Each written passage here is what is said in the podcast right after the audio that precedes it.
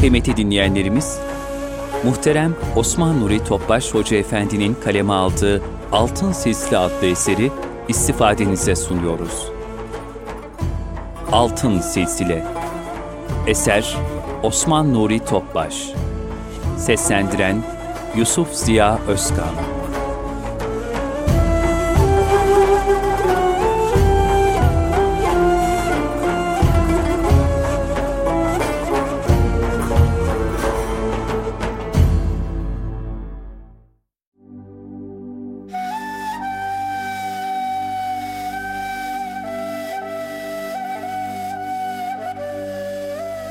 Altın Oluk yayınları sunar. Altın Silsile. Osman Nuri Topbaş.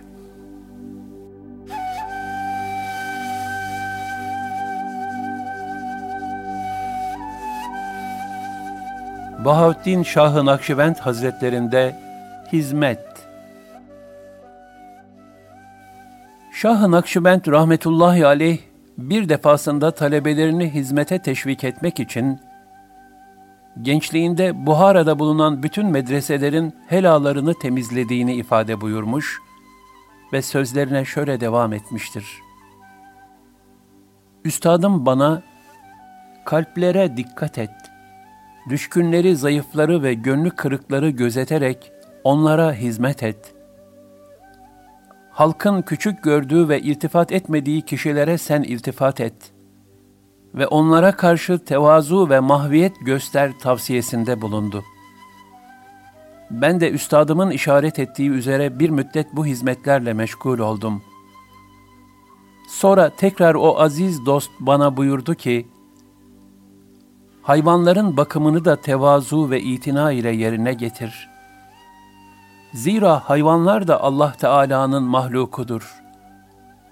Onlardaki tecellileri müşahede et.'' Onlara Halik'in şefkat nazarıyla bakmaya gayret et. Hasta ve yaralı olanların tedavisiyle meşgul ol. Bu emir üzerine hayvanların hizmetlerini görmeyi kendime vazife edindim. Bir müddet bu şekilde devam ettim. Şayet yolda önüme bir hayvan çıksa durur, o hayvan geçip gidene kadar öylece kalır önüne geçmezdim.''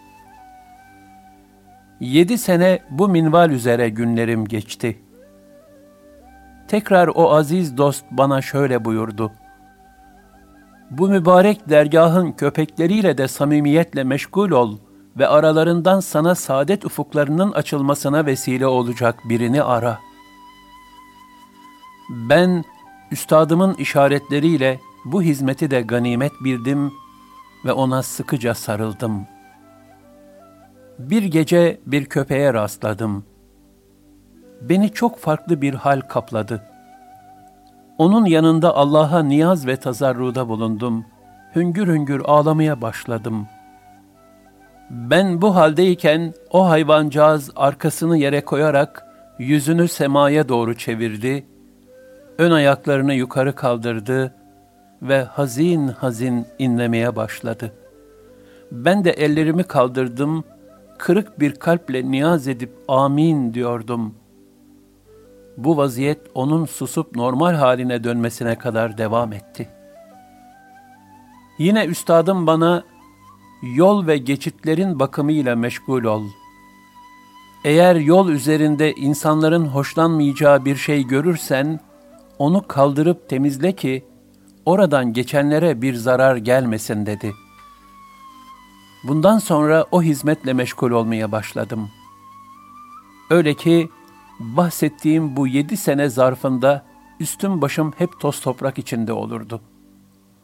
O Allah dostunun bana emrettiği her ameli büyük bir sadakatle yerine getirdim. O amellerden her birinin kendi ahvalim üzerindeki neticelerini de müşahede ettim.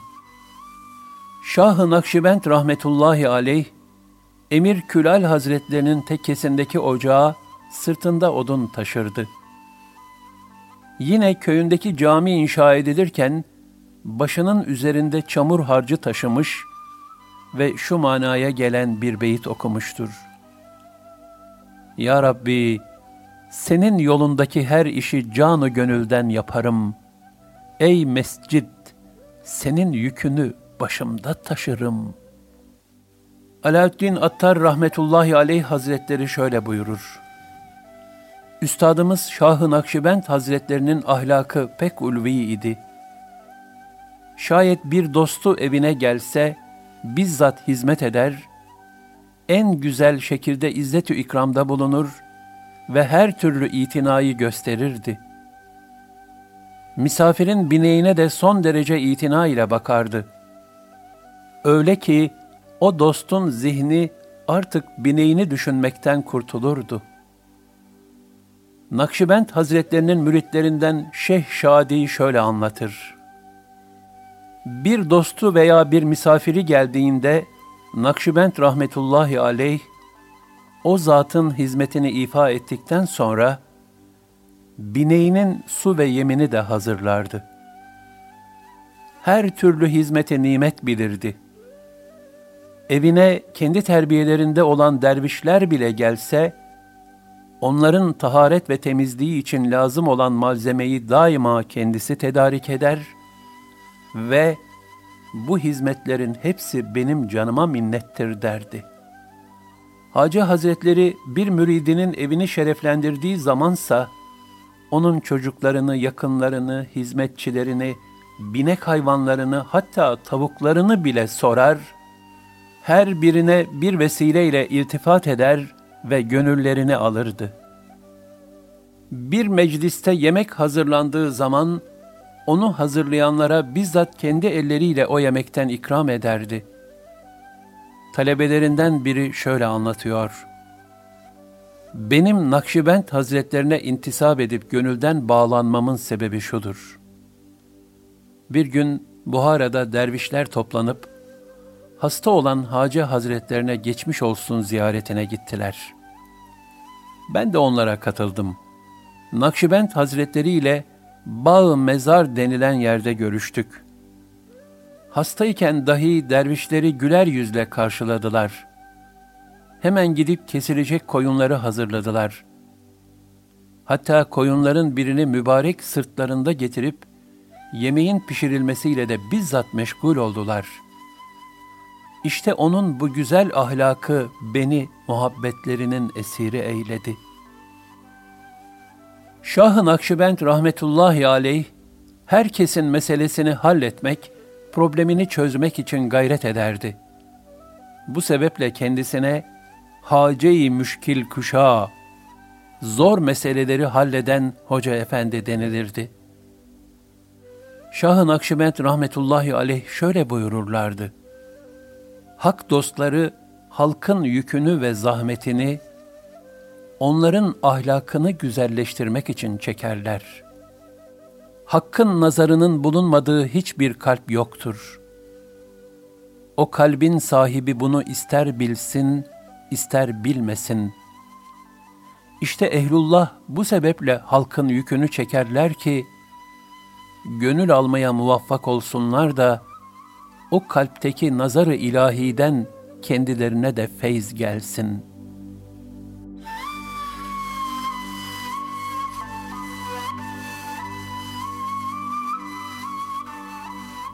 Sohbete verdiği ehemmiyet Bir dervişten nakledilmiştir. Şah-ı Nakşibend rahmetullahi aleyh, Allah dostlarının sohbetlerinin büyük bir nimet olduğunu her vesileyle ifade eder ve bu nimetten uzak kalmak, bu yolun yolcularının kusurlarındandır buyururlardı.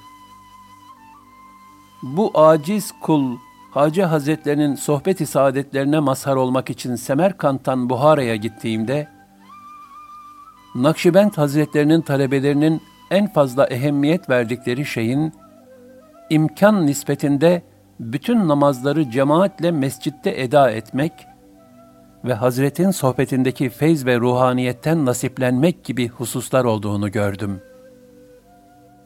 Şah-ı Nakşibend Hazretleri şöyle buyururlardı.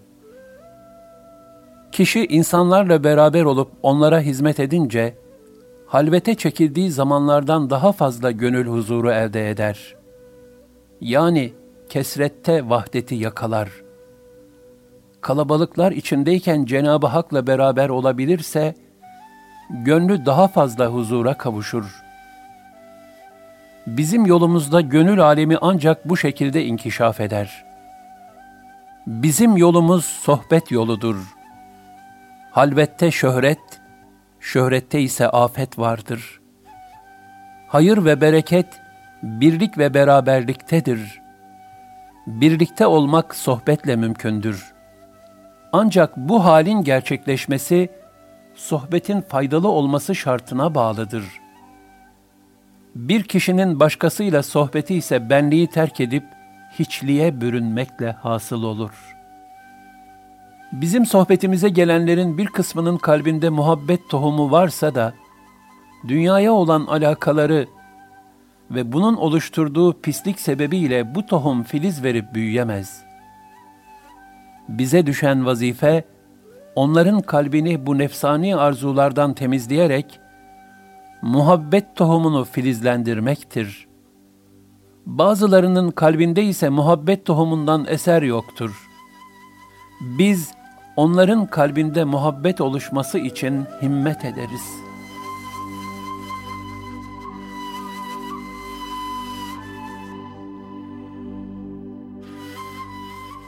Vefatı Şah-ı Nakşibend rahmetullahi aleyh, yaşlılık döneminde tekrar hacca gitti.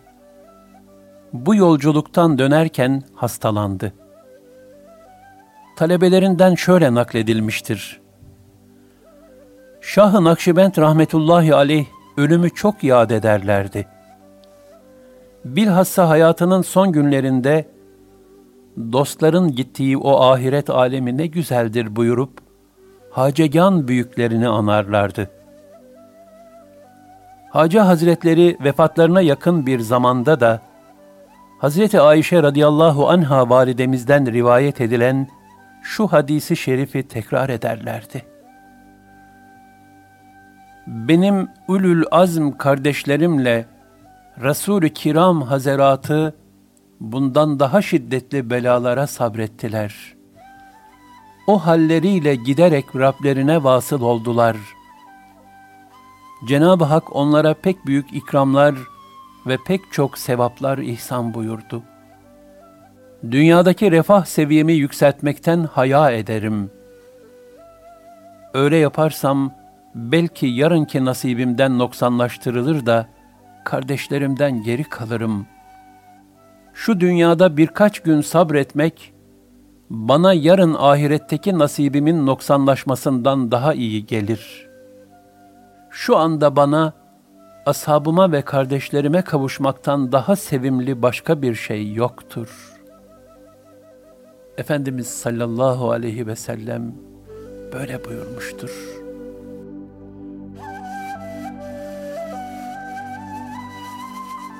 Alaaddin Attar rahmetullahi aleyh şöyle buyurur. Hacı Hazretlerinin son anlarında Yasin-i Şerif okuyorduk. Yarısına geldiğimizde nurlar zahir olmaya başladı. Hacı Hazretleri kelime-i tevhidi söyleyerek son nefeslerini verdiler. Yaşları 73'ü doldurmuş, 74'e ayak basmıştı. Vefatları 3 Rabiül Evvel 791'de 1 Mart 1389 pazartesi gecesi vakı oldu. Şah-ı Nakşibend Hazretleri Kasr-ı Arifan'daki bahçesine defnedildi. Cenazesi taşınırken şu beytin okunmasını vasiyet etmişlerdi. Müflisanim amede der kuyitu şey'en lillah ez cemali ruyitu senin köyüne gelen müflisleriz. Allah için cemalinden bir nebze lütfeyle. Büyük hak dostlarından Abdülkuddüs Hazretleri bir keşfindeki müşahedelerini şöyle nakleder. Manevi keşif halleri hiçbir zaman mutlak bir hüküm ifade etmez. Nitekim büyük hak dostu İmam Rabbani Hazretleri keşif noktasında hata payı yüksektir. Keşif ehlinin ne gördüğünü, ne anladığını kim bilebilir buyurmuş.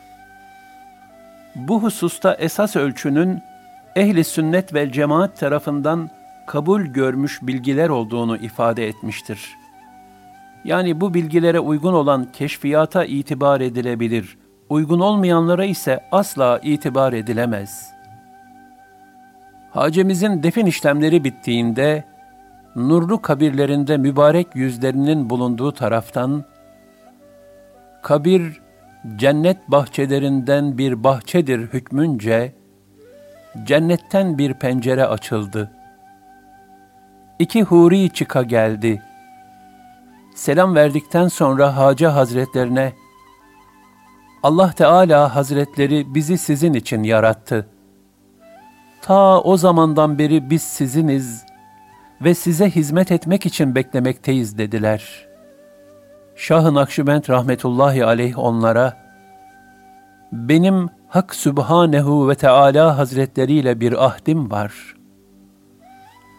Onun emsalsiz ve eşi benzeri olmayan cemaliyle müşerref olmadıkça, hiçbir şeyle meşgul olmayacağım buyurdular. Yakup Çerhi rahmetullahi aleyh şöyle anlatır.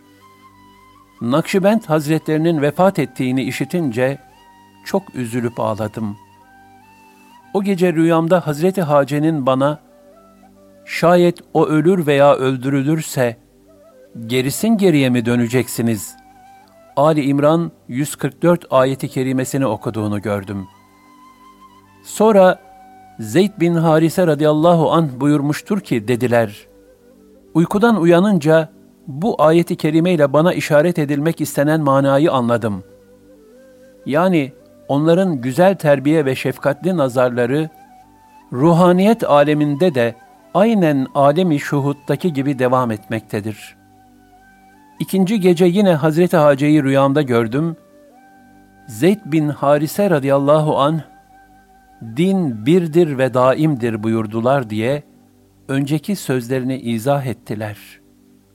Sahabeden Zeyd bin Harise'yi örnek göstermekle yollarından ayrılmamam gerektiğini beyan ediyorlardı. Zira Zeyd radıyallahu an Resulullah sallallahu aleyhi ve sellem Efendimizin evlatlığıydı ve ondan hiç ayrılmamıştı. Haceganımız taliplerini hemen kabul etmezler fakat kabul ettikten sonra da onlar evlatları haline gelirler.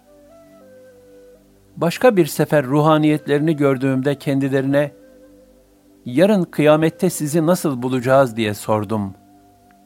Şeriata bağlılıkla yani dinin emirlerine uygun amel etmekle buyurdular.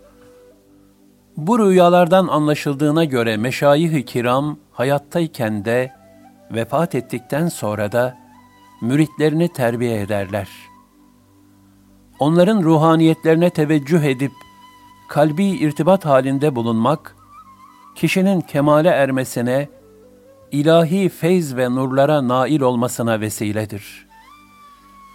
Allah Celle Celaluhu onların ruhlarını aziz kılsın.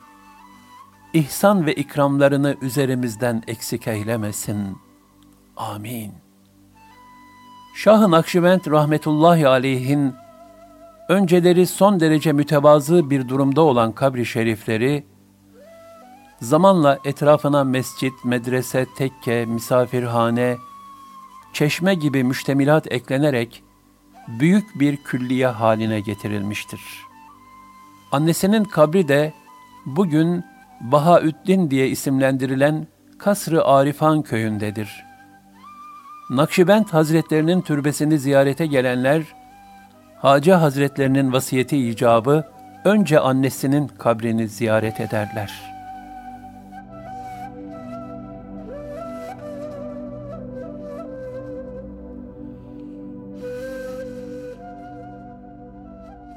hikmetli sözleri, alemi kuds fezasında uçabilmek için iki kanat lazımdır.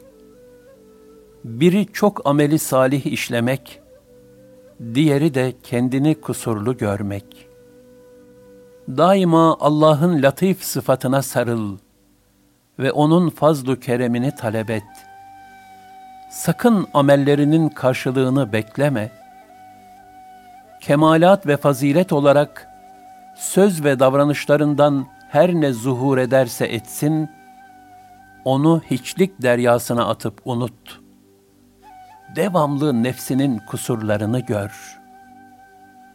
Ubeydullah Ahrar rahmetullahi aleyh anlatıyor. Bir aziz zat dünyadan ayrıldıktan sonra Nakşibend Hazretlerini rüyasında görmüş ve ona ebedi kurtuluşumuz için ne yapalım diye sormuş. Hacı Hazretleri şu cevabı vermiş.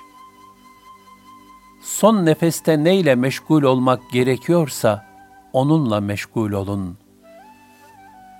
Yani son nefeste nasıl ki tamamen Hak Teâlâ'yı düşünmeniz lazımsa, hayatınız boyunca da o şekilde uyanık olunuz. Zikir telkini bir kimsenin eline çakmak taşı vermek gibidir. Bundan sonra iyi bir netice oluşması için amel etmek müride aittir. Zikirden maksat yalnızca Allah ve la ilahe illallah demek değildir.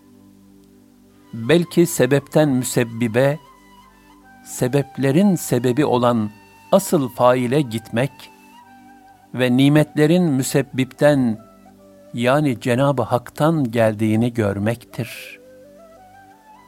Zikrin hakikati gaflet meydanından müşahede fezasına çıkmaktır. Yani zikrin lafızda kalmayıp kalbe intikal ederek davranışlara aksetmesi lazımdır. Zikir gafletin giderilmesidir. Gaflet giderildiğinde sussan bile zikir halinde olursun. Namazın erkanı ve ezkarıyla meşgul olup ona tam olarak yönelmek lazımdır. Bu müptedilerin, daha işin başında olanların durumuna göre değişir. Vüdu yani abdest namazında birçok ecirler olduğunu da unutma. Allah Teala görülen, işitilen, hayal edilen, düşünülen her şeyin dışındadır. Kelime-i tevhiddeki la yoktur ifadesinin hakikati Allah Teala'yı bu tür şeylerden tenzih etmektir. Zira Cenab-ı Hakk'ın sıfatlarından biri de muhalefetün lil havadistir. Yani o, yarattıklarına benzemekten münezzehtir. Her durumda hukuka riayet etmek, hak yoluna sülük edenlerin edeplerindendir. Onun için maksut ve matluba erişenler, hukuk ve adaba riayet etmekle erişmişlerdir. Masivaya yani kulu Allah'tan uzaklaştıran dünyevi şeylere gönül bağlamak, bu yolda gidenler için en büyük gaflet perdesidir. İnsanların Hak Teâlâ'dan uzak düşmelerinin sebebi, kendilerini uzak tutmaları ve kendi istekleriyle üzerlerine fazla dünya yükü almalarıdır. Yani nefsani ihtiraslarının zebunu olmalarıdır. Yoksa feyz-i ilahide kusur yoktur.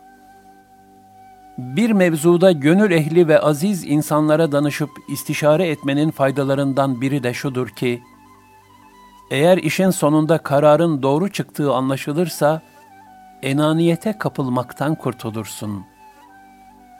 Şayet kararın doğru olmadığı anlaşılırsa, kusur ve noksanlığını anlar, yine enaniyete düşmezsin. Bu yolun esası kalbe yönelmektir. Kalple de Allah Teala'ya yönelip onu çok zikretmektir.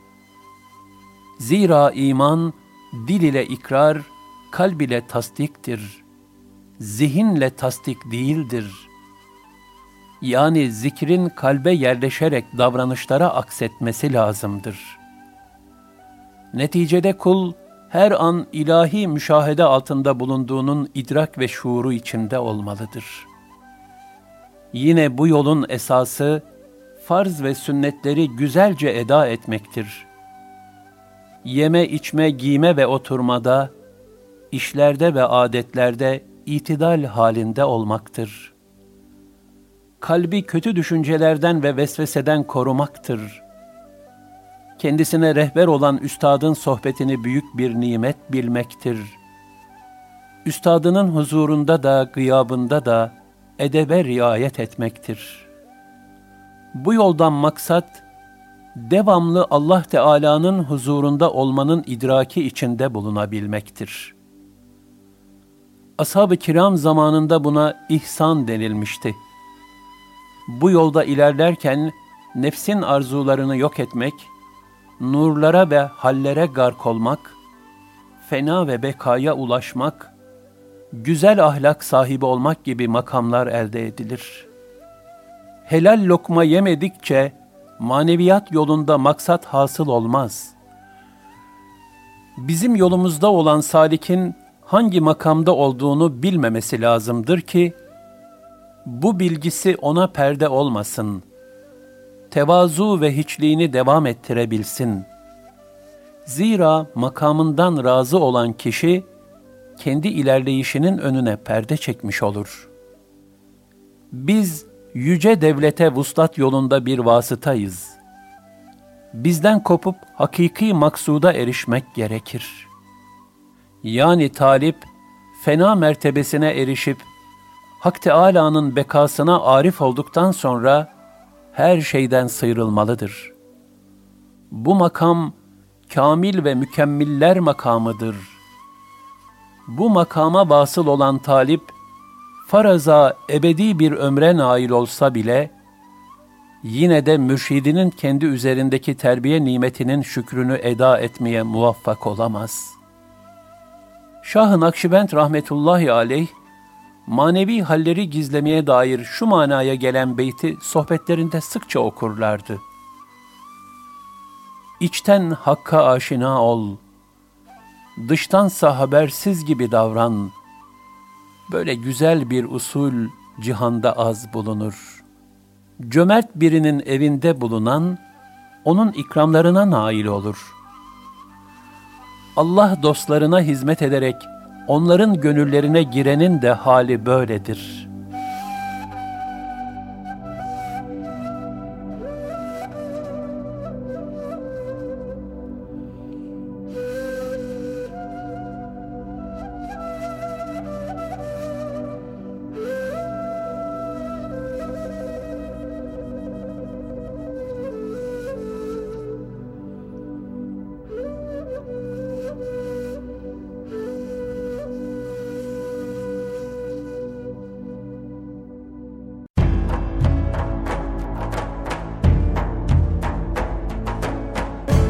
Kalbin Sesi Erkam Radyo'da muhterem Osman Nuri Topbaş Hoca Efendi'nin kaleme aldığı, Yusuf Ziya Özkan'ın seslendirdiği Altın Sisli adlı eseri dinlediniz.